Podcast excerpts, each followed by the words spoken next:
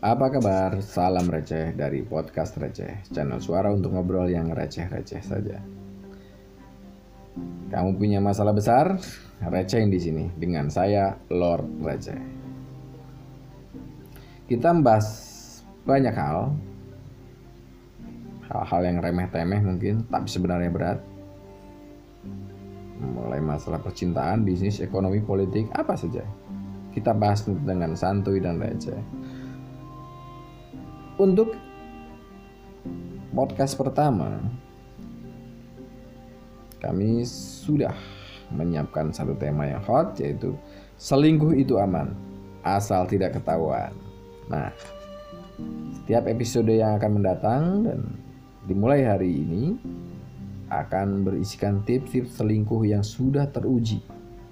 Bukan lagi teori. Diuji oleh siapa? Oleh pelakunya. Kenapa? Karena semua tips yang ada itu diambil disarikan dari sebuah cerita perselingkuhan, true story, meski tempat dan namanya kita samarkan. Selingkuh punya banyak makna. Di antaranya ada yang meng, ada yang menganggap dia hanya kalau berhubungan seks itu selingkuh. Kalau punya hubungan emosional tapi selingkuh itu tidak ada tidak ada maksudnya tidak ada hubungan seks itu bukan selingkuh atau tidak ada hubungan emosional tidak ada hubungan seksual eh, tapi punya kerahasiaan atau merahasiakan sesuatu dari pasangannya itu dianggap selingkuh. Jadi kata kuncinya memang selingkuh itu akan bisa dilakukan ketika ada pasangan. Jadi kalau kamu jomblo, ya sorry lu nggak bisa selingkuh. Jadi syaratnya berat, lu harus punya pasangan. Selingkuh itu setidaknya mengandung tiga hal, tiga unsur kalau mengutip buku The State of Affair karyanya Esther Perel. Itu terapis dari dari Amerika kalau nggak salah bukunya cukup bagus karena dia sendiri terkenal dengan uh, apa terkenal sebagai pembicara penulis buku dan terapis juga. Khususnya untuk hubungan-hubungan uh, pernikahan atau hubungan-hubungan percintaan gitu. Gue jaman bagus. Apakah uh, tema ini adalah sebuah kampanye dari Lord Ucup untuk mengkampanyekan perselingkuhan silakan artikan ke sana itu bebas. Kita negara demokrasi. Eh, pasti eh, mengapa podcast ini sebenarnya tidak hanya ditujukan untuk orang yang punya selingkuh atau calon selingkuh yang sudah selingkuh takut ketahuan atau eh, bagi mereka yang ingin tahu saja atau bahkan sebenarnya menurut saya ini juga ber, berguna bagi eh, teman-teman receh sobat receh yang punya komitmen anti selingkuh gitu loh. Tapi takut menjadi korban. Gitu karena begini cerita-cerita ini tips-tips ini dengan sendirinya akan membongkar modus selingkuh itu sendiri. Nah kalau kamu tahu modus kejahatan berarti kamu seharusnya bisa mengantisipasi untuk tidak menjadi korban kejahatan itu sendiri. Jadi ibaratnya Lord ini cuma menjual pisau. Terserah mau pisaunya mau pakai mau buat nakut-nakutin orang buat buat jahat atau berbuat baik itu urusan yang beli dong gitu. Oke? Baiklah edisi pertama selingkuh itu aman. Yaitu cara membunuh kecurigaan. Kecurigaan itu adalah salah satu faktor paling besar pintu masuk untuk membongkar sebuah perselingkuhan. Bagaimana agar Anda bisa selingkuh dengan nyaman? Nah, cerita ini, tips ini uh, Lord peroleh dari seorang uh, cewek ya. Umur 30 tahun.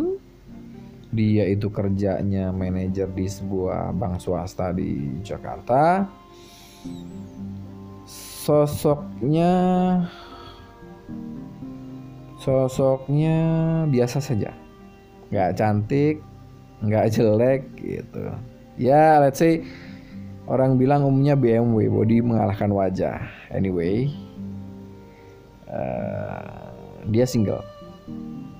Tapi ya kecantikan bukan soal fisik doang toh gitu. Banyak in, interpersonal atau sisi pribadi atau mungkin uh, attitude yang yang juga bisa cantik gitu ya bisa disebut dengan cantik gitu yang pasti dia itu komunikatif enak diajak ngobrol sehingga uh, mudah mempengaruhi lawan bicaranya dia tidak pernah kehabisan ide gitu. dia bisa aja ngobrol satu dua jam itu di handphone untuk ngobrolin hai hai. Tapi by the way perempuan bukan begitu bukan? Oke. Okay. dia ambisius dan kekeh. Pokoknya tough kalau udah punya keinginan dia ini perokok berat hmm, suka party tentunya dan sekarang itu uh, gabung di sering nongkrong sama di komunitas touring uh, otomotif. Namanya nggak perlu gue sebut uh, satu lagi dia tuh hobi selfie dan ini akan hobinya ini akan sangat membantu dia uh, uh, untuk uh, untuk membunuh atau untuk uh, menghancurkan kecurigaan-kecurigaan dari pacarnya. Nah dia ini sudah punya pacar, jadi memang belum nikah, namanya Andri. Dia itu umurnya sekitar setahun dua tahun di atas si Nadia. Dia manajer di sebuah perusahaan manufaktur. Sosok Andri kalau menurut Nadia itu sosok pria yang cool nggak macem-macem nggak banyak tingkah cenderung cuek memang. Jadi kalau kok dibilang kalau kalau lagi bercinta itu ibaratnya pose misionaris standar flat mereka ini sudah berpacaran tiga tahun. Pacaran mereka hmm, biasa saja gitu. Mungkin karena faktor udah tiga tahun kali ya. Uh, sudah nggak ada beat beat uh, apa namanya kangen cintanya udah mulai berkurang berkarat tuh. Bukan berkarat emas tapi berkarat besi. Uh, kropos nah Nadia ini kerjanya di Jakarta uh, Andri ini di luar kota. Jadi mereka kalau ketemu itu cuman weekend gitu atau atau momen-momen tertentu gitu. Nonton jalan-jalan having sex uh, check in dan lain sebagainya lah. Luar pikir itu banyak ya. Uh, standar lah uh, hubungan-hubungan seperti itu. Padahal dulu api asmaranya ini mereka ini sangat membara gitu. Terutama bagi si Nadia. Jadi ceritanya si Nadia ini udah naksir berat dengan si Andre waktu masih SMP jadi si Andre kelas 3 si Nadia kelas 2 Eh, sosok Andre ini cool. Jadi boleh dibilang si Andre ini cinta pertamanya. Dari uh, Nadia ini terus mepet uh, si Andre dari mulai sekolah sampai kuliah dan meskipun berujung dengan kegagalan karena setelah kuliah si Andre ini menikah dengan orang lain. Tapi Nadia ini memang apa ya seperti Lord bilang tadi dia itu kekeh pemburu kelas wahid dia itu nggak gampang nyerah gitu. Bukan uh, cewek yang menye-menye gitu. Karakter itu kuat gitu. Nah, entah ada masalah apa dengan istrinya, Nadia ini pada akhirnya bisa menaklukkan Andreas. Gitu. Di Andre itu Andreas uh, mereka berselingkuh akhirnya meskipun perjuangan lama yang dari sejak sekolah itu kayaknya nggak sepadan gitu perselingkuhan mereka itu hanya sebentar gitu karena uh, ke gap ketahuan sama istrinya si Andre ini. Cuman gara-gara hal yang konyol stupid gitu. Chat WA eh, stupid kan dihapus kek gitu biar nggak ketahuan. Ada ketahuan. Dan itu uh, Nadia bilang itu uh, ke uh, masalahnya berat ya. Meskipun itu uh, karena gini jadi si istrinya itu sampai ngelabrak dia ke rumahnya marah-marah segala macem gitu kan. Nah dan dan ini tuh menakutkan Nadia bukan bukan dia takut sama dia cuman banyak banyak kejadian kan yang kemudian dia ngelapor ke bosnya ke kantornya gitu yang bisa bisa membuat karir si Nadia terancam jadi dia nggak mau itu gitu artinya ya udah dia dia mundur meskipun itu perih lah ya maksudnya uh, perjuangan dia untuk merebut si Andreas ini gitu. Itu pengalaman pengalaman pahit ya. Tapi dia cerita bahwa ini bukan yang paling pahit gitu. Bahwa uh, dia pernah pernah ngalamin yang lebih pahit. Jadi ceritanya waktu dia justru waktu masih uh, tidak dengan Andre dia waktu masih kuliah di Bandung. Dia kuliah di sebuah universitas swasta lah di sana.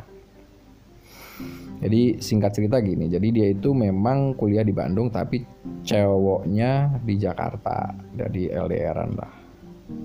Long distance relationship. Uh, si apa namanya si Nadia ini punya affair yaitu dengan cowok satu kosannya. Nggak jauh-jauh di depan uh, kamarnya.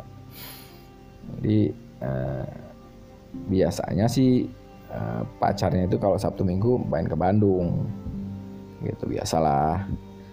Nah cuman suatu malam malam Sabtu ya itu berarti hari Jumat uh, nggak seperti biasanya. Mereka uh, apa namanya si cowoknya ini bilang dia nggak bisa ke Bandung. Jadi akhirnya mereka cuma cicat aja lewat video kangen-kangenan gitu. Video call lah gitu apalah gitu. Kenapa dia nggak bisa datang kalau kata si Nadia pada waktu si Nadia sibuk nggak bisa datang karena weekendnya kosong lanjutlah dia dugem dengan cowok di depan kamarnya itu seperti biasa seperti malam-malam sebelumnya seperti uh, apa namanya di hari-hari biasa. Dan ini lebih lebih lebih enak dong karena karena weekend gitu loh kan nggak enak uh, lebih lebih bebas gitu. Jadi dugem mabok gitu kan dangdung dangdung gitu.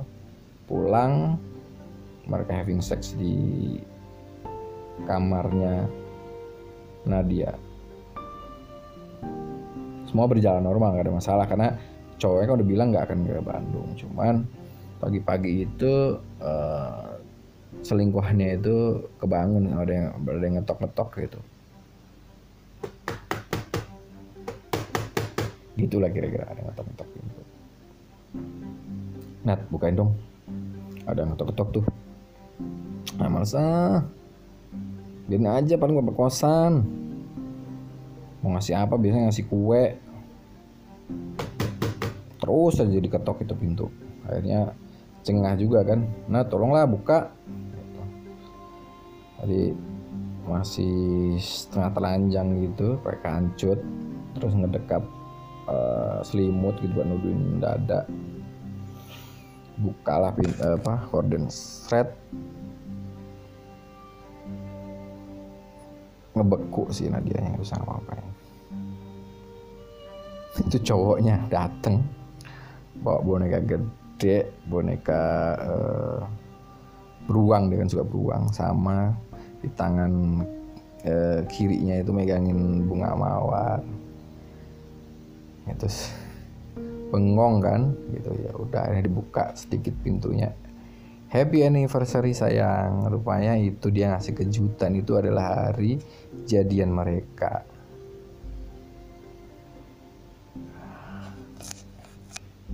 Uh, nah dia sih bengong gitu. Dan pacarnya masuk lihat ada cowok.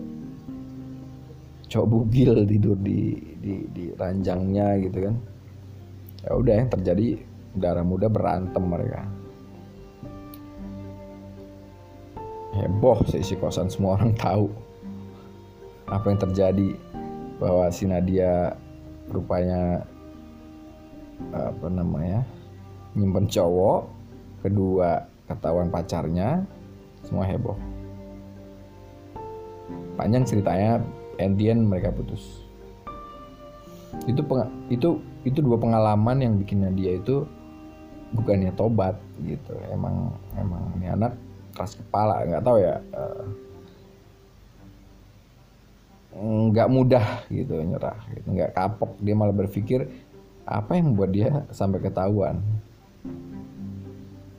Gitu. makanya hmm, pengalaman dengan si Andre pengalaman dengan pacarnya waktu kuliah itu bikin dia uh, lebih lebih hati-hati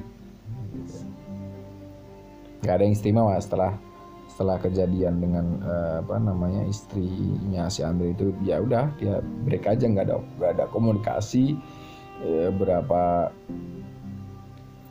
lebih dari setahun gitu nggak ada nggak ada nggak ada komunikasi berapa tahun gitu. Sampai suatu ketika ada Facebook gitu biasa chat di kantor. Waktu sibuk-sibuk jam kerja. Cuk bunyinya kan gitu kan biasanya Facebook tuh cuk apa apa di ya bunyinya gitulah uh, dibuka dong. Wih si Andre. Tulisannya Hai apa kabar? Nah ser deg-degan dong karena memang kan uh, si Andres ini Andre ini sebenarnya cinta pertama dia dan dia perjuangkan dan dia ke gap ya kan? Yang dia maksudnya putusnya gara-gara gara-gara ke gap gara-gara Nadia dalam posisi yang sulit antara suka sama si si Andre ini yang memang pada waktu itu belum tentu milih dia juga gitu. Yang pasti dia nyelamatin karirnya kan sekolah uh, kerjaannya di bank itu. Gimana kabarnya? Si Andre. Baik. Gimana kabar lu? Baik. Ketemuan yuk kalau kata Oh gak ntar ketahuan bini lu. Takut dia kan Trauma. Enggak gue udah cerai. Teng dong pucuk dicinta ulang pun tiba. Ya kan? lagi jomblo ya kan? Pacar eh, cowok idamannya itu udah duda eh kan? Apalagi ngedate jalan jadian lah mereka. Itu tiga tahun lalu ceritanya. Jadi jadian mereka itu udah tiga tahun. Mereka mereka sampai sekarang masih masih pacaran masih masih pacaran meskipun ritme ritme pacarannya ketemuannya mulai jarang karena memang ya mulai sibuk masing-masing. Uh,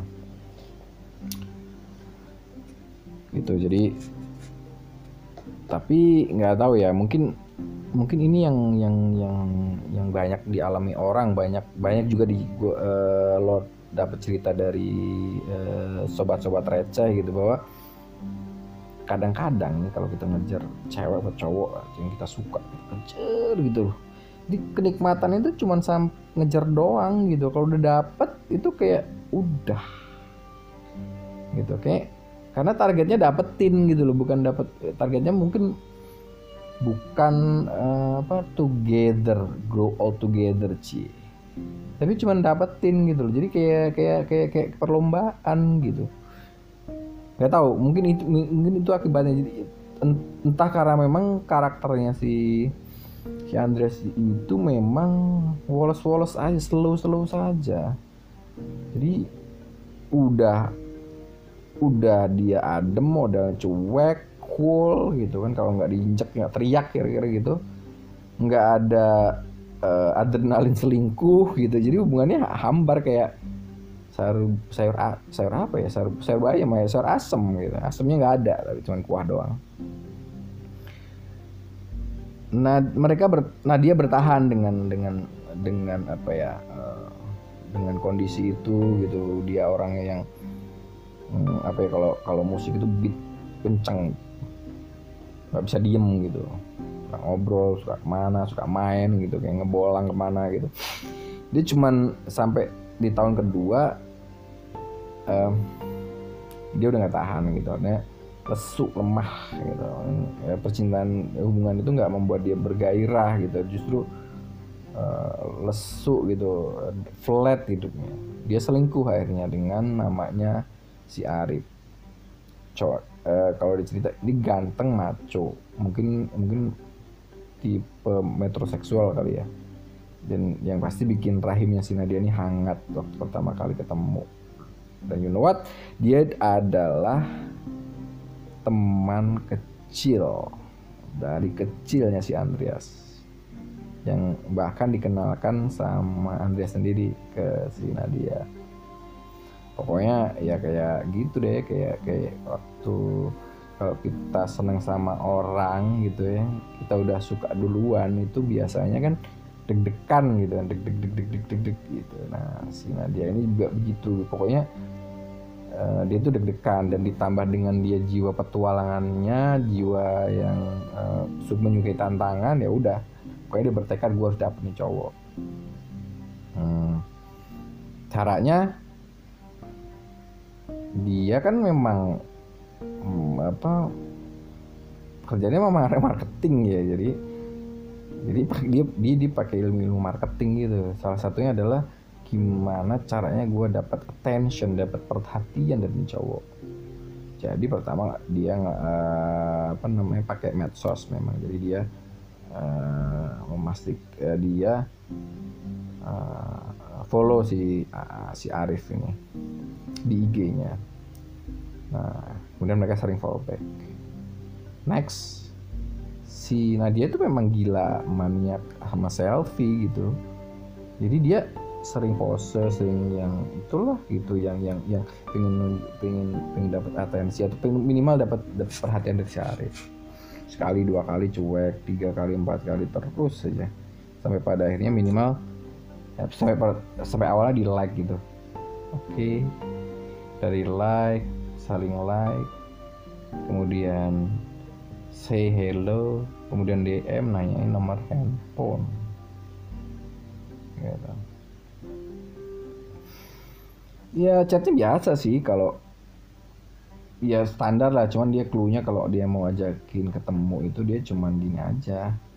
Aja ih ngopi yuk atau ih kalau dia lagi kali ada kalau si Arif lagi lagi apa gitu posting apa yang yang yang yang kayak perlu dirayakan bilang irain dong ngopi dong gitu. Dan akhirnya ya udah ngopi mereka. Ya obrolannya sih simpel ya kalau orang mau mau mau cheating gitu ya ngeluh dia dengan sikap si Arif yang hambar bla bla bla yang kemudian dinasihati sama si si Arif yang memang dia begitu dari kecil begitu gini gini ya ujungnya ya you know lah you know lah ujungnya gitu. mereka saling dekat dan berjanjian dan mereka akhirnya jadian. Nah, keduanya keduanya memang mengaku ini salah. Maksudnya ini salah kuadrat ya. Dia udah selingkuh sama temen sendiri. Ini kan pagar makan tanaman ya kata dangdut itu lagu dangdut siapa itu? Jadi uh, akhirnya tapi mereka nggak bisa melepaskan karena karena udah nyaman gitu. Karena si Arif itu selain memang macho ganteng charming gitu juga as aslinya jago speak speak iblisnya gitu. Jadi masuk juga gitu. Sama-sama lah si Nadia juga asasinya juga jago. Oke asasi apa speak speak iblis jadi uh, mereka kemudian bersepakat ya agar hubungan mereka itu uh, terrahasiakan selingkuh jangan sampai si Andres itu tahu karena bagaimanapun itu akan pasti menyakitkan tidak hanya tidak hanya itu pasti butuh sekali ya pertemanan ya dari kecil gitu kan. Ya for the sake of friendship ya atau alasan mereka itu mereka cari cari cari cari tempat. Eh, cari cara yang aman untuk berselingkuh. Salah satu yang pertama dilakukan adalah mencari spot-spot uh, pertemuan yang aman ini mah aman dari jangkauan Andreas dan temennya. Artinya di di dipetain deh. Nggak mungkin si Andreas tuh ke sini. Orangnya pasti jalur dia kerja di mana pulang ke mana nongkrong gimana udah dipetain. Tidak dia nyiapin 4 atau 5 bisa di kafe di hotel atau di mana pun. Dan mereka ti menja mengupayakan. Mereka berusaha mobilnya mereka itu nggak pernah ada dalam satu lokasi yang sama parkiran. Jadi kalau memang, memang mereka janjian di di di mall gitu atau di hotel gitu si salah satu harus parkir jangan di itu jangan di, di jangan di hotelnya atau jangan di mallnya. Salah satu misalnya parkir di sebelahnya gitu di di apa namanya di ruko. Atau kalau kata Nadia yang paling aman itu kalau dia suka itu di rumah sakit.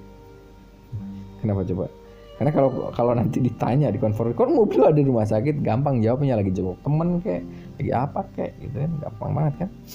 Coba kalau misalkan dua kali ketemu mobil lu mobil pacar lu dengan temen lu sering di beberapa tempat yang sama ketahuan tuh curiga kan ya nggak? Bener nggak?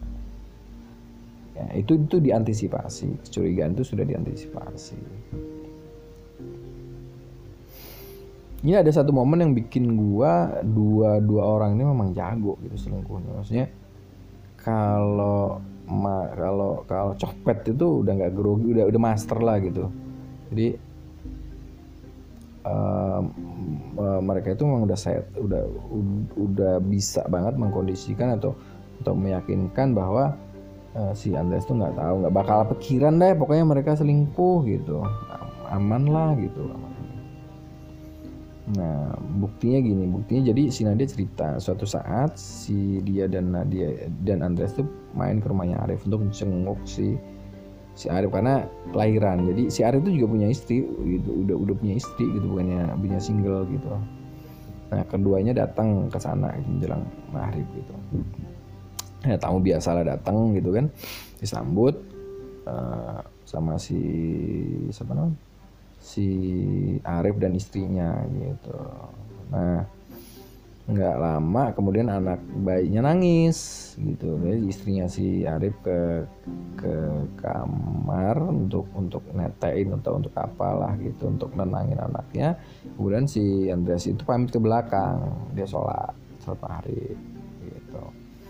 Nah, emang ini berdua emang karena kan ya susah ya ketemu karena weekend ketemu sama si si Andreas jadi mereka waktunya otomatis cuma sedikit uh, over, over office saja gitu kan.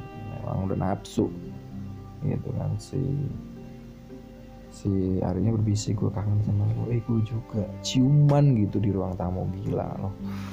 Brengsek berani gitu sih. Ya emang udah udah menggebu-gebu kali ya. Ciuman gitu di situ. Nggak lama berapa menit kemudian memang setelah si uh, ya sebelum sebelum si apa namanya si Andres balik ya dia udah selesai udah biasa biasa ngobrol biasa aja gitu. Terus si Andreas balik si ganti ganti sholat. Sih dia kayak mal kayak kayak malin kantor polisi bukan sih? Jago banget. Dan itu nggak ketahuan. Kayak kayak film sih tapi ya ya ceritanya emang begitu kalau kata dia. Hmm. Nah dia ini masih susah ya nyari waktu untuk berduaan sama Arif karena cuman cuman cuman hari uh, hari-hari biasa. Nah um, karena susah ya, sampai kemudian makin susah lagi nih. Jadi ada satu lagi si uh, si Nadia ini karena memang si Arif sudah sibuk dengan anaknya kan baru lahiran gitu kan nah, masuk lagi namanya Tony. Nah dia ini mirip-mirip sama Arif lah maksudnya brondong gitu Rondong cakep lah. Seger fresh di open dari anak kampus baru masuk. Uh, apa sih biasanya tuh? Manajemen trainee ya kalau di di bank itu atau EDP lah atau ADP atau EDP EDP EDP ah whatever. Nah, si Nadia ini uh, demen lah sama si Tony itu memang uh, ganteng. Pengen lah ngedatin dia gitu nggak nafsu lah gitu, gitu sama dia nih nah ya standar lah caranya. Meskipun apa namanya si mereka itu jadi atasan sama bawahan jatuhnya si Nadia ini. Si Tony ini manggil si Nadia ini bu gitu. Bu gitu. Manggilnya ibu gitu. Karena memang memang jauh juga posisinya paling beda sekitar ya let's say 6 8 tahunan gitu bedanya teman Brondong gitu Nah, uh, modusnya si Nadia sih masih sama gitu. Bercandain, ngajak ngopi, ngajak apa segala macam sampai uh, beberapa bulan itu nggak dianggap nggakpin karena si Tonya mungkin agak segen kali ya. Cuman lama kelamaan itu satu sore dia cerita si Nadia mau pulang udah mau keluar dari parkiran kantor tuh uh, tiba-tiba ada ngetuk tuh mau pas mau mau cabut itu ngetuk. Eh bu eh ada apaan? Bu ngopi yuk kata dia kan lama kita janji eh, nggak uh, ngopi-ngopi katanya mau mau ngopi. Ya udah akhirnya mereka ngopi di satu kafe agak jauh uh, nggak nggak jauh dari kantornya gitu. Ya udah lanjut gitu. Terus komunikasi nyambung. Uh, mereka lebih apa ya lebih gampang lebih lebih cepat kejadiannya. Persinggungan itu terjadi lebih cepat kenapa? Karena ya satu kantor gitu meskipun apa namanya? Uh, selain Tony ganteng gitu si si Nadia itu suka dengan dia mungkin mungkin punya kecenderungan untuk menguasai ya. Uh, atau woman on top. Kalau bahasa dia itu I fuck him not he fuck me. I fuck him gitu. Jadi ya dia memang hobi kontrol gitu dan si Tony juga kayak suka dikontrol. Nah, gitu kan suatu karena ini yang yang menarik bagaimana uh, si Nadia ini bisa meyakinkan uh, si An uh, Andreas uh, pergi liburan dengan si Tony gitu. Jadi uh, suatu saat si si apa namanya si Tony ini ngajak liburan gitu keluar kota gitu. Maka si nah dia bikinlah skenario uh, skenario skenario nya gini. Liburan tiga hari eh empat hari tiga malam di Bali. Dan hadiah hari biasa. Dia udah tahu dia udah tahu kalau hari biasa itu si Andri nggak bakal bisa gitu. Bahkan ngantar ke bandara aja nggak bisa gitu. jadi emang udah disetting gitu ya. Ya memang itu yang terjadi gitu. Dia bilang dia bilang dia, dia bilang simpel polos aja gitu. Gue mau liburan sendiri ke Bali. Suka kan gak sih? Kalau lo, lo punya punya cewek atau lu punya cowok atau lu punya cewek gue gue gue pengen liburan sendiri gitu ke Bali atau keluar kota itu lu lu curiga gak sih? Kalau kalau luar pasti curiga. Itu ada something. Kecuali kalau liburannya bareng-bareng ya. Maksudnya sama teman atau ikut apa namanya? Ikut uh, apa sih biasanya? Trip. Nah, itu sih oke okay lah. Itu sendiri gitu loh. Nah pertanyaan menarik ya. Kenapa si Andreas nggak curiga? Nah, jadi ada kebiasaan dia yang selalu dia lakukan dalam menjalin hubungan yaitu membangun kepercayaan. Jadi, gimana caranya pasangan itu percaya? Gitu loh bahwa itu nggak ngapa-ngapain. Dan itu bukan di, di, dikatakan saja tapi itu dilakukan gitu. Jadi prinsip dia gini, jangan sampai pacar lu atau pasangan lu tuh nanya duluan gitu. Jadi lu yang harus uh, ngasih info duluan. Jadi jangan sampai misalnya kamu di mana saya lagi ngapain gitu. Bener sih itu kayak nunjukin care ya, tapi lu tahu nggak itu sebenarnya lama kelamaan itu kayak semacam hmm, uh, uh, menyelidiki gitu atau nggak percaya gitu loh selain kalau udah keseringan itu namanya posesif tapi kalau udah udah begitu tuh kayak lu nggak dia sebenarnya nggak percaya gitu. Jadi ya, alasan aja kangen segala macam tapi pengen ngecek tuh di mana. Nah, jadi kalau Nadia kuncinya dibilang gini selalu live report sama si pasangan lo an, an, kalau dalam dia Andre. Contohnya contohnya gini waktu dia libur ke Bali atau sebenarnya udah udah sering dilakukan ya bahkan di mana pun. Nah khususnya di waktu Bali ini dia dia udah nyampe bandara. Di Suta aja dia udah langsung WA Hai saya aku lagi di sini lagi nongkrong lagi nunggu boarding nih cekrek. Foto selfie gitu di, di, di deket deket uh, pancu apa kayak ke pancur apa kolam sih itu yang di, di yang mau masuk ke terminal tuh. Uh, kayak gitu. Jadi pas mau pesawat dia bilang cel saya aku udah duduk nih cekrek. Gitu. Tony ada dong Tony ada di mana? Entah gitu. nanti ketemu di pesawat doang gitu. Pas nyampe Bali di bandara juga gitu. Pas nyampe hotel cekrek gue lagi di sini nih udah nyampe sayang. Ya, oke okay, bye istirahat ya gitu gitu. Dan itu nggak hanya pada waktu itu itu itu setiap saat ya maksudnya kalau weekend atau kalau lagi dia bahkan hari biasa dia kayak gitu gitu loh nah teman kata dia jangan video call itu bisa jadi pemurang nanti gue jelasin. Uh, pacaran sama Tuhan ini menyenangkan bikin spirit si Nadia ini muncul lagi ceria lagi gitu semangat lagi gitu. Ya, karena ada energi baru kalau kata dia kan. Lagi pula dia itu kayak kayak main sandiwara gitu. Jadi kalau di kantor nyebut ibu gitu loh. Kalau di luarnya sayang sayangan gitu. Jadi kalau kalau di kantor tadi dimarahin nanti itu pas ketemuan nanti malamnya gitu gimana ya udah curhat soal soal dimarahin jadi lucu bentuknya. Gitu. Jadi kalau ya bahasanya sama bedanya kalau malam mungkin dirancang dari kafe kali. Nah, ini uh, ini pembelaan sih memang pembelaan. Jadi banyak bah ini ini rumus yang sangat umum pembelaan yang sangat umum atau apa namanya uh, pembenaran gitu bahwa selingkuh itu akan membuat lu tuh hidup lebih lebih bergairah. Ya memang adrenalinnya naik kali ya. Dan itu memang benar. Jadi dia ketika weekend ketemu sama si Andre dia happy gitu perasaan karena dia sepanjang sepanjang apa uh, hari kerja itu juga happy juga sama pasangan ya karena memang kerja di bank itu kan memang apalagi marketing itu kan pressing pressingnya tinggi ya pressurenya tinggi ya. Pressing. Pressurenya tinggi gitu. Nah,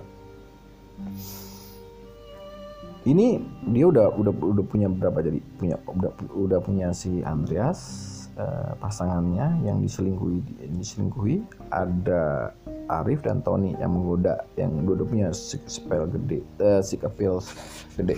Jadi tapi dua-duanya ini selingkuhan ini nggak belum belum standar 3M jadi mature mapan menggoda. Jadi cuma menggoda doang tapi nggak mature nggak mapan. Cowok biasanya suka su eh cewek sekarang suka yang cowok-cowok mapan kan hmm, banyak temen-temen cewek gue itu temen temennya Lord tuh suka kayak misalkan kayak Richard Gere kayak Richard Gere terus apa namanya itu? Josh Clooney ya kayak gitulah gitu. Nah maka muncullah Dion. Dion ini sosok yang memenuhi kriteria 3 amateur mapan menggoda. Nah dia ini direktur di sebuah bank di Surabaya. Udah married punya anak sekolah Jakarta nah hubungannya itu uh, lewat karena mereka sama-sama komunitas. Karena si Nadia kan tadi ya, hobi itu ya ikut-ikut touring-touring gitu komunitas-komunitas gitu. Nah, yang mereka sering komunikasi lewat Facebook. The rest ya udah cuman ngulangin kayak kayak yang sama kan chit chat chit chat chit chat berhubungan. Jadi uh, semua semua semua selingkuhannya itu tahu bahwa si Nadia itu uh, memang berselingkuh dengan mereka. Korbannya adalah si Andreas.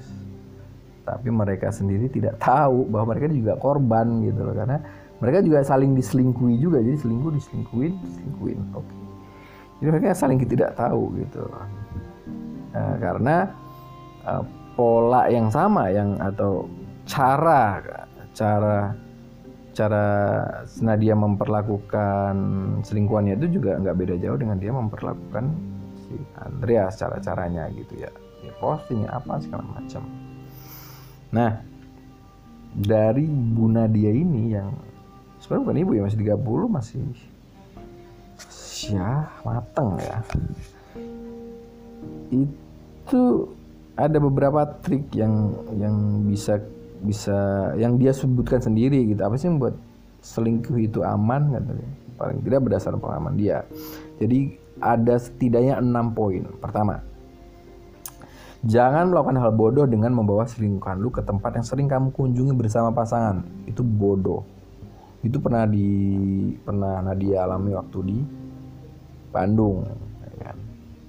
itu pelajaran berharga.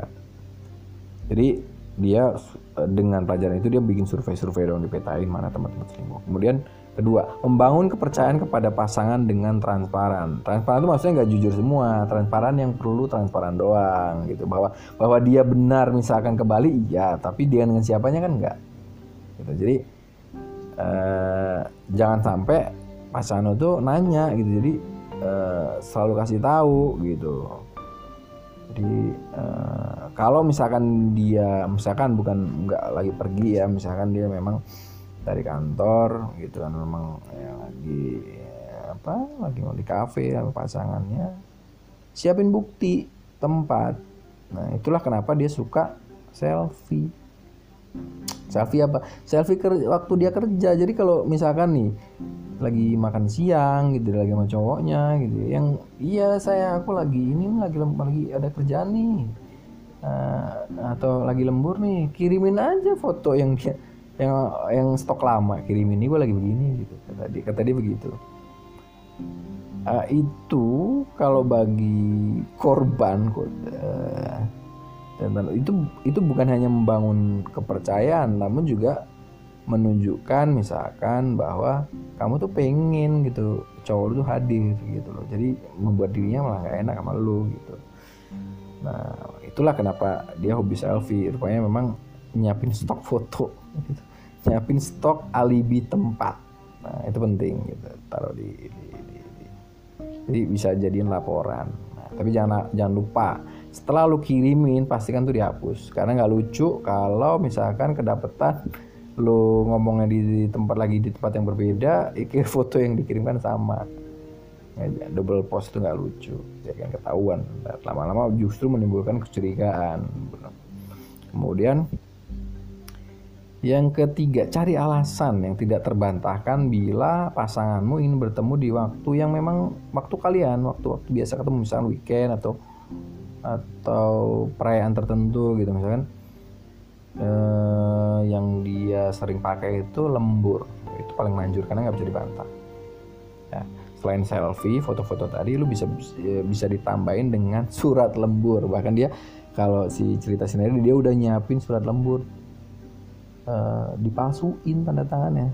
Kan nggak mungkin juga kan dicek sampai ke itu kan emang siapa? Nggak mungkin kan? Nggak akan dicek juga kan tanda tangannya gitu kan atau gimana gitu. Kecuali memang uh, bos bosnya itu temennya uh, temennya pacar lu itu itu berarti ya jangan tuh bodoh namanya. Ya kan gampang dicek kan gitu. Kalau sekali dua kali tiga kali empat kali dicek pasti. Masa lembut terus gitu kan gitu kira-kira. Kemudian ini penting. Jaga privasi pasangan agar dia tidak juga mengganggu privasi lu. Nah, ini contoh contoh paling simple jangan suka buka HP medsos akun pasangan. Karena biar dia juga nggak kepok dan tidak punya alasan kepok ke kamu gitu. Jadi masing-masing aja gitu loh. Dengan begini kamu nggak perlu di lock gitu loh. Karena dia dia nggak pernah ngelock HP-nya karena memang nggak saling lihat gitu loh. Dan justru kalau di lock itu biasanya dikunci masih dikasih password gitu atau apalah gitu kan. Uh, itu menimbulkan kecurigaan gitu. Nanti di edisi berikutnya ada di edisi depan gue akan akan kasih tahu caranya gimana caranya HP itu nggak di password ya kan? Atau bahkan passwordnya dikasih tahu lah ke sama, sama pacarnya tapi itu tetap bisa nyimpen pesan-pesan WA atau segala macam. Nanti ada tunggu aja. Kelima beli HP-nya lebih jangan satu. Oke, kalau kasus HP kalau Nadia itu punya empat. Jadi dua di eh, bawa ke mana-mana dua di kantor. Jadi selingkuhan itu HP-nya di kantor gitu. Kalau dia protes dari lu siapa? Kan lu cuma selingkuhan. Masa lu juga mau mau ngerebut ya maksudnya nggak nggak harus sampai kayak gitu. Artinya ada waktunya lah gitu kan. Nah, gitu. Nah, keenam jangan jangan biasakan Sherlock video call. Karena itu bisa bumerang. Maksudnya begini video call kalau lu biasa video call nanti ketika lu someday sam pergi ke tempat sama selingkuhan lo dan dia minta video call kan repot. Gitu. Biasa biasakan aja foto aja gitu. Jadi dulu nggak usah nggak usah kerasa paling canggih gitu. Itu kata si Nadia the Master ini. Jadi uh, itu tips-tipsnya agar aman. Bagaimana membongkarnya tinggal dibalik saja. Gitu ya. Jadi kalau ada artinya untuk bagi ini bagi bagi tips bagi yang mau selingkuh ya tapi bagi orang uh, yang mau menghindari atau menjaga hubungan agar selingkuh tidak terjadi ya atau tidak menjadi korban gitu. Lo harus cek check and balance uh, check and recheck check and balance check and recheck. Jadi jangan percaya satu perkara percaya itu sama Tuhan jangan sama pacar jangan selalu percaya full gitu. Artinya bukan bukan masalah ini. Jadi percaya pada fakta jadi apa pun yang dikasih sekali dua kali cobalah di di double check dari sumber yang berbeda gitu. Sekali dua kali aja gitu. Cek aja. Jadi meskipun itu sudah sangat meyakinkan tapi nggak ada salahnya dicek gitu kan. Nggak salahnya dicek. Nggak salahnya minta video call. Yang pasti akan bikin gelagapan minimal. Memang masih bisa diakalin tapi pagi akan bikin deg-degan gitu kan nggak tenang gitu kan. Kemudian hmm, mungkin bisa random ya random checking whatever lah. Tapi setidaknya dari dari dari modus ini bisa diketahui bisa ditahu kan bahwa uh, itu tuh sebenarnya bisa ditebak sih gitu.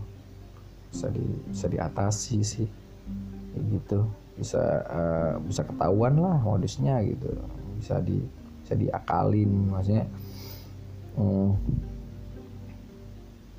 kayak kayak kok yang dia share cuman selalu ala, ala misalnya kok selalu alasan kerja nggak ada alasan lain ya kan? kok uh, misalnya sampai sampai dia nunjukin bukti surat lembur emang apaan gitu kan? Emang segitunya gitu. Berarti ketika ketika berlebihan itu berarti ada sesuatu kan?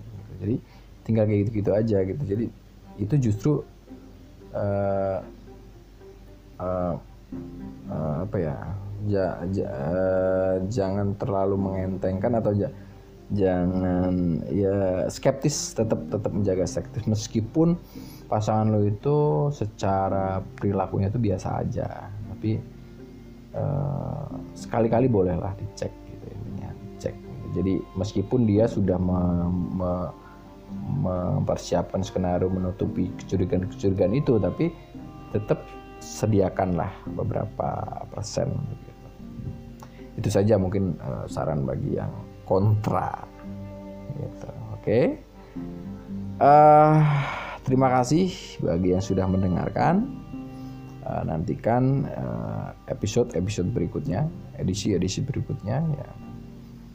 Uh, akan memberikan tips-tips selingkuh yang aman. Oke okay. selamat berjumpa lagi. Salam receh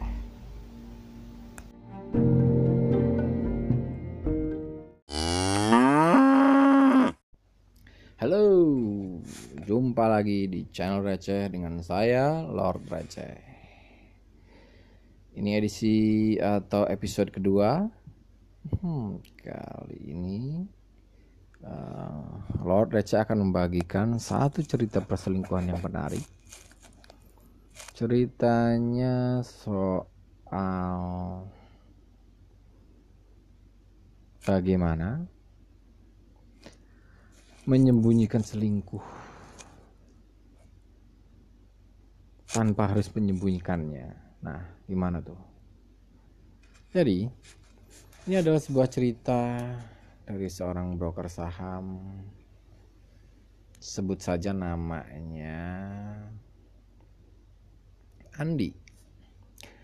Andi ini sudah punya istri, namanya Nazila, udah punya tiga anak mereka ini boleh dibilang sebuah pasangan yang sangat serasi.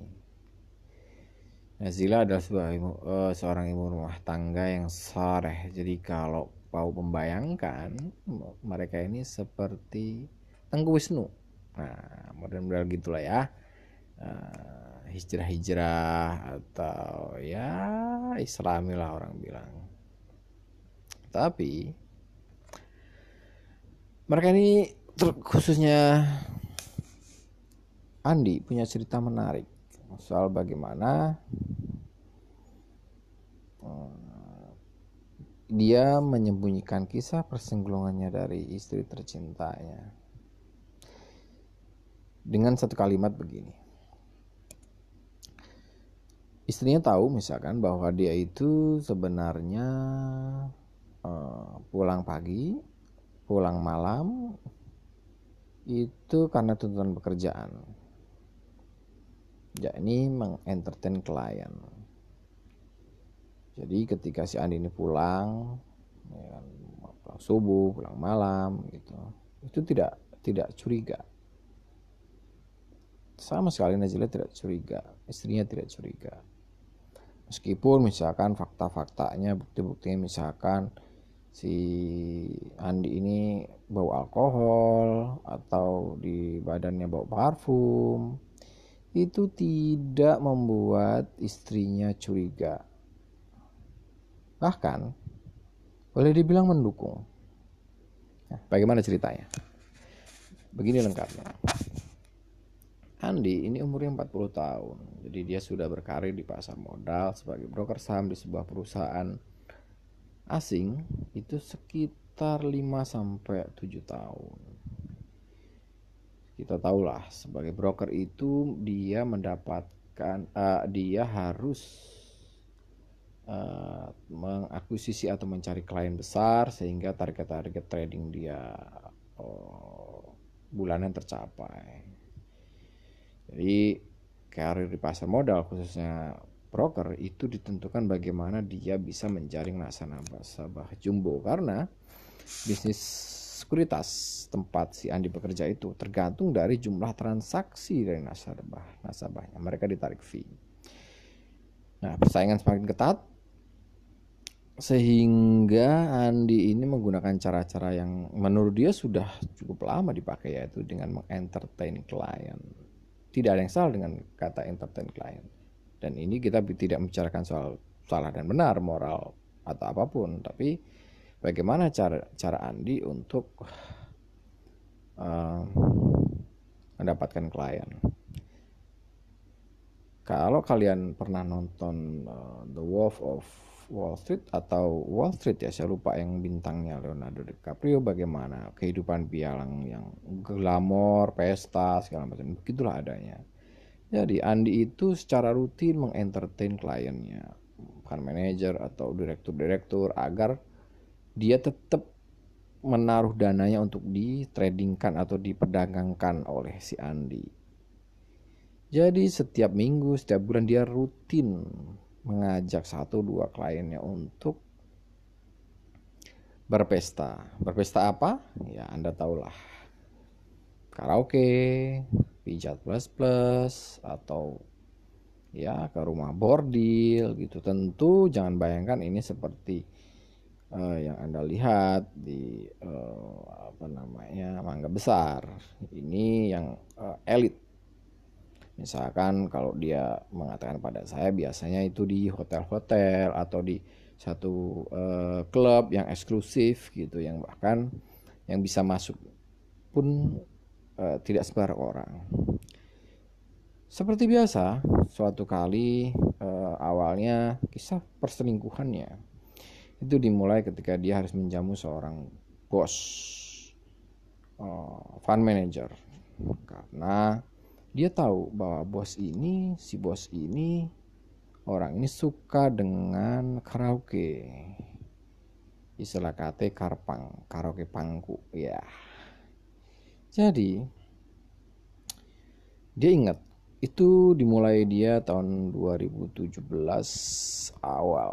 Jadi dia mengajak bosnya ini untuk karaoke di satu uh, karaoke eksklusif di bilangan kuningan.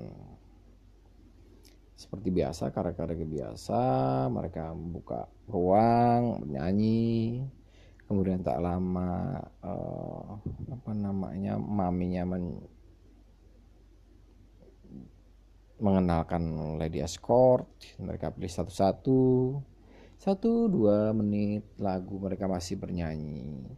Dalam menit-menit berikutnya mereka suasana berubah menjadi Eh, dari dari awalnya uh, menyanyi menjadi mengobrol.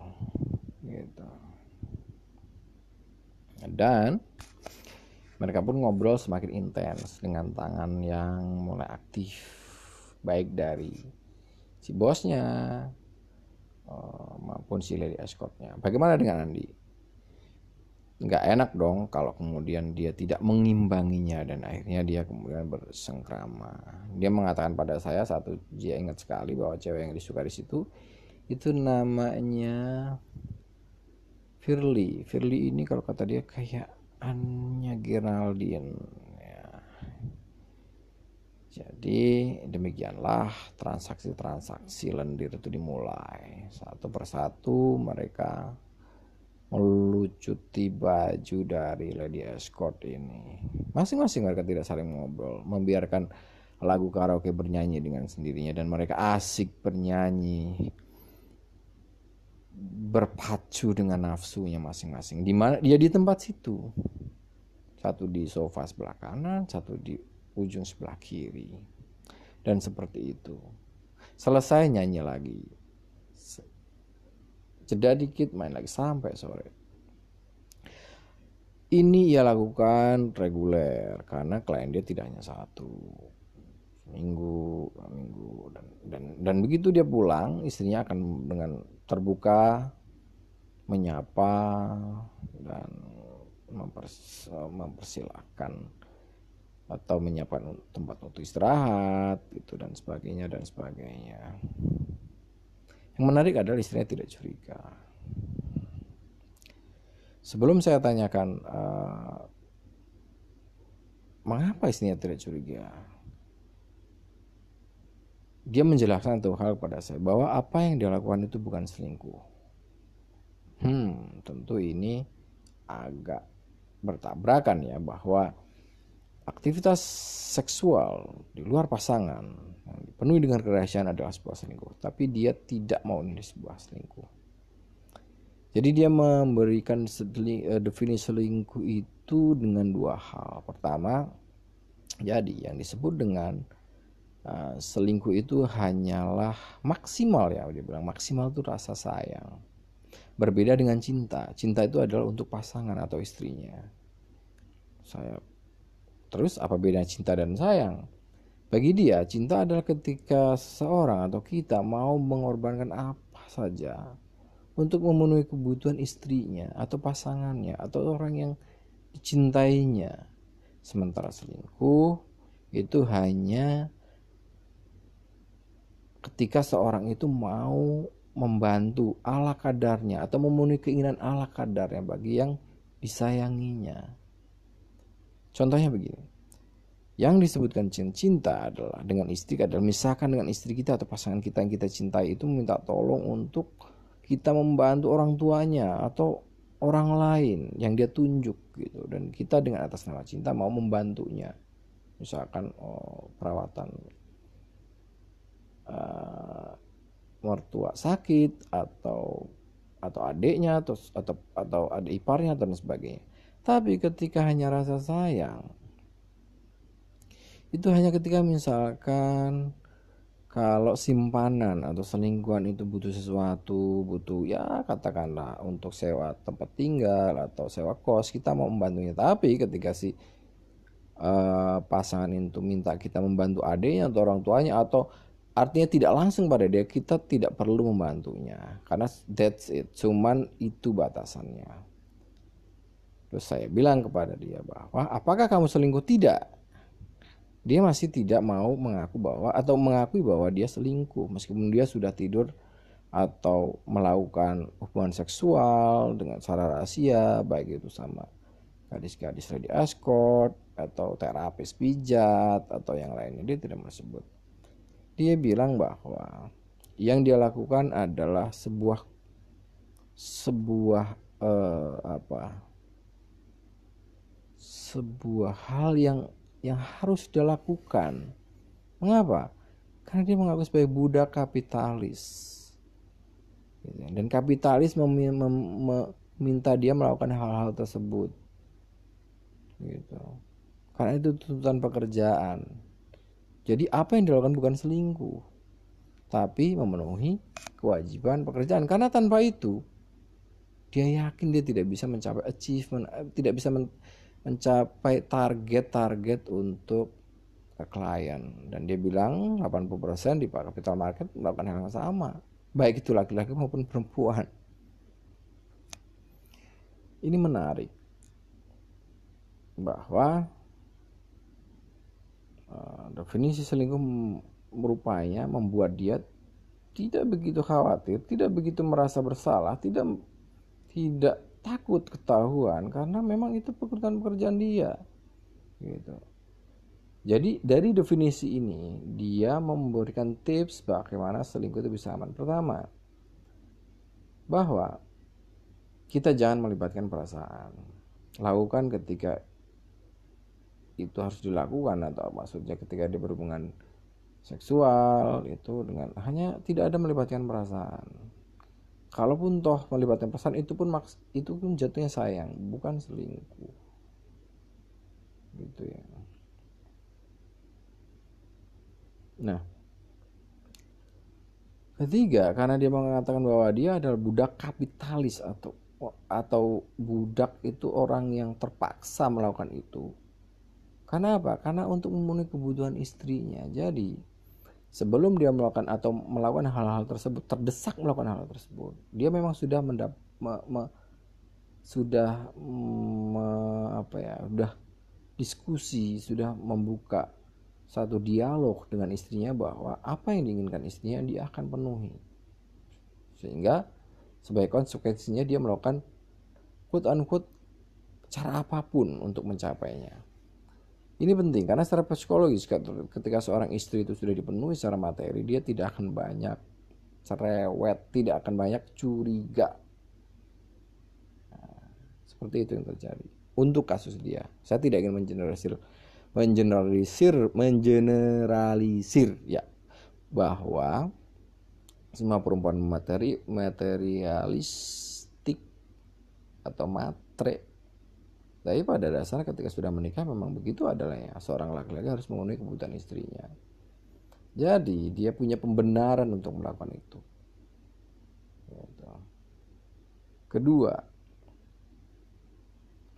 dia menjelaskan dia transparan bahwa ketika dia pulang pagi itu dia harus entertain klien. Ke mana? Ke klub ke mana pun sehingga wajar dong ada bau alkohol ada bau parfum karena memang ada perempuan di situ dia menjelaskan. Tentu dia tidak akan mengatakan bahwa dia berhubungan seksual atau atau melakukan menjalin hubungan romantis dengan para uh, lady ex, uh, escort ini gitu loh. Tapi dia hanya menjelaskan bahwa dia melakukan memang ke uh, karaoke untuk menemani klien. Kalaupun tuh dia harus uh, pergi dengan selingkuhannya keluar kota dia akan mengatakan itu sebagai visit. Dan yang paling penting dari ini adalah istrinya tidak mengerti seluk beluk pekerjaan broker jadi hanya satu arah. Gitu. jadi demikian eh, apa namanya tipsnya untuk berselingkuh yang yang aman atau selingkuh itu aman pertama. Bangunlah motif anda sendiri bentengi definisi atau bentengi persepsi Anda soal selingkuh itu sendiri bahwa apa yang Anda lakukan itu bukan selingkuh sehingga Anda tidak perlu grogi ketika bahkan ketahuan uh, sekalipun. Kedua, cukupi kebutuhan pasangan utama Anda, jangan biarkan mereka uh, berprasangka buruk. Jadi cukupi. Ketiga, bangun narasi yang benar. Bahkan ketika pasangan pun curiga, Anda harus mempunyai alasan-alasan yang kuat. Ambil contoh misalkan ketika suatu saat ke gap atau ketahuan ketemu kondom di mobil, ya bilang saja itu punya klien. Ada yang dibantalin. Atau Anda harus punya satu teman yang bisa menjelaskan gitu pada pasangan Anda kalau Anda ketahuan. Demikian kisah perselingkuhan dari Bung Andi. Terima kasih atas cerita yang diberikan kepada saya. Nah, jumpa lagi untuk episode berikutnya. Salam receh.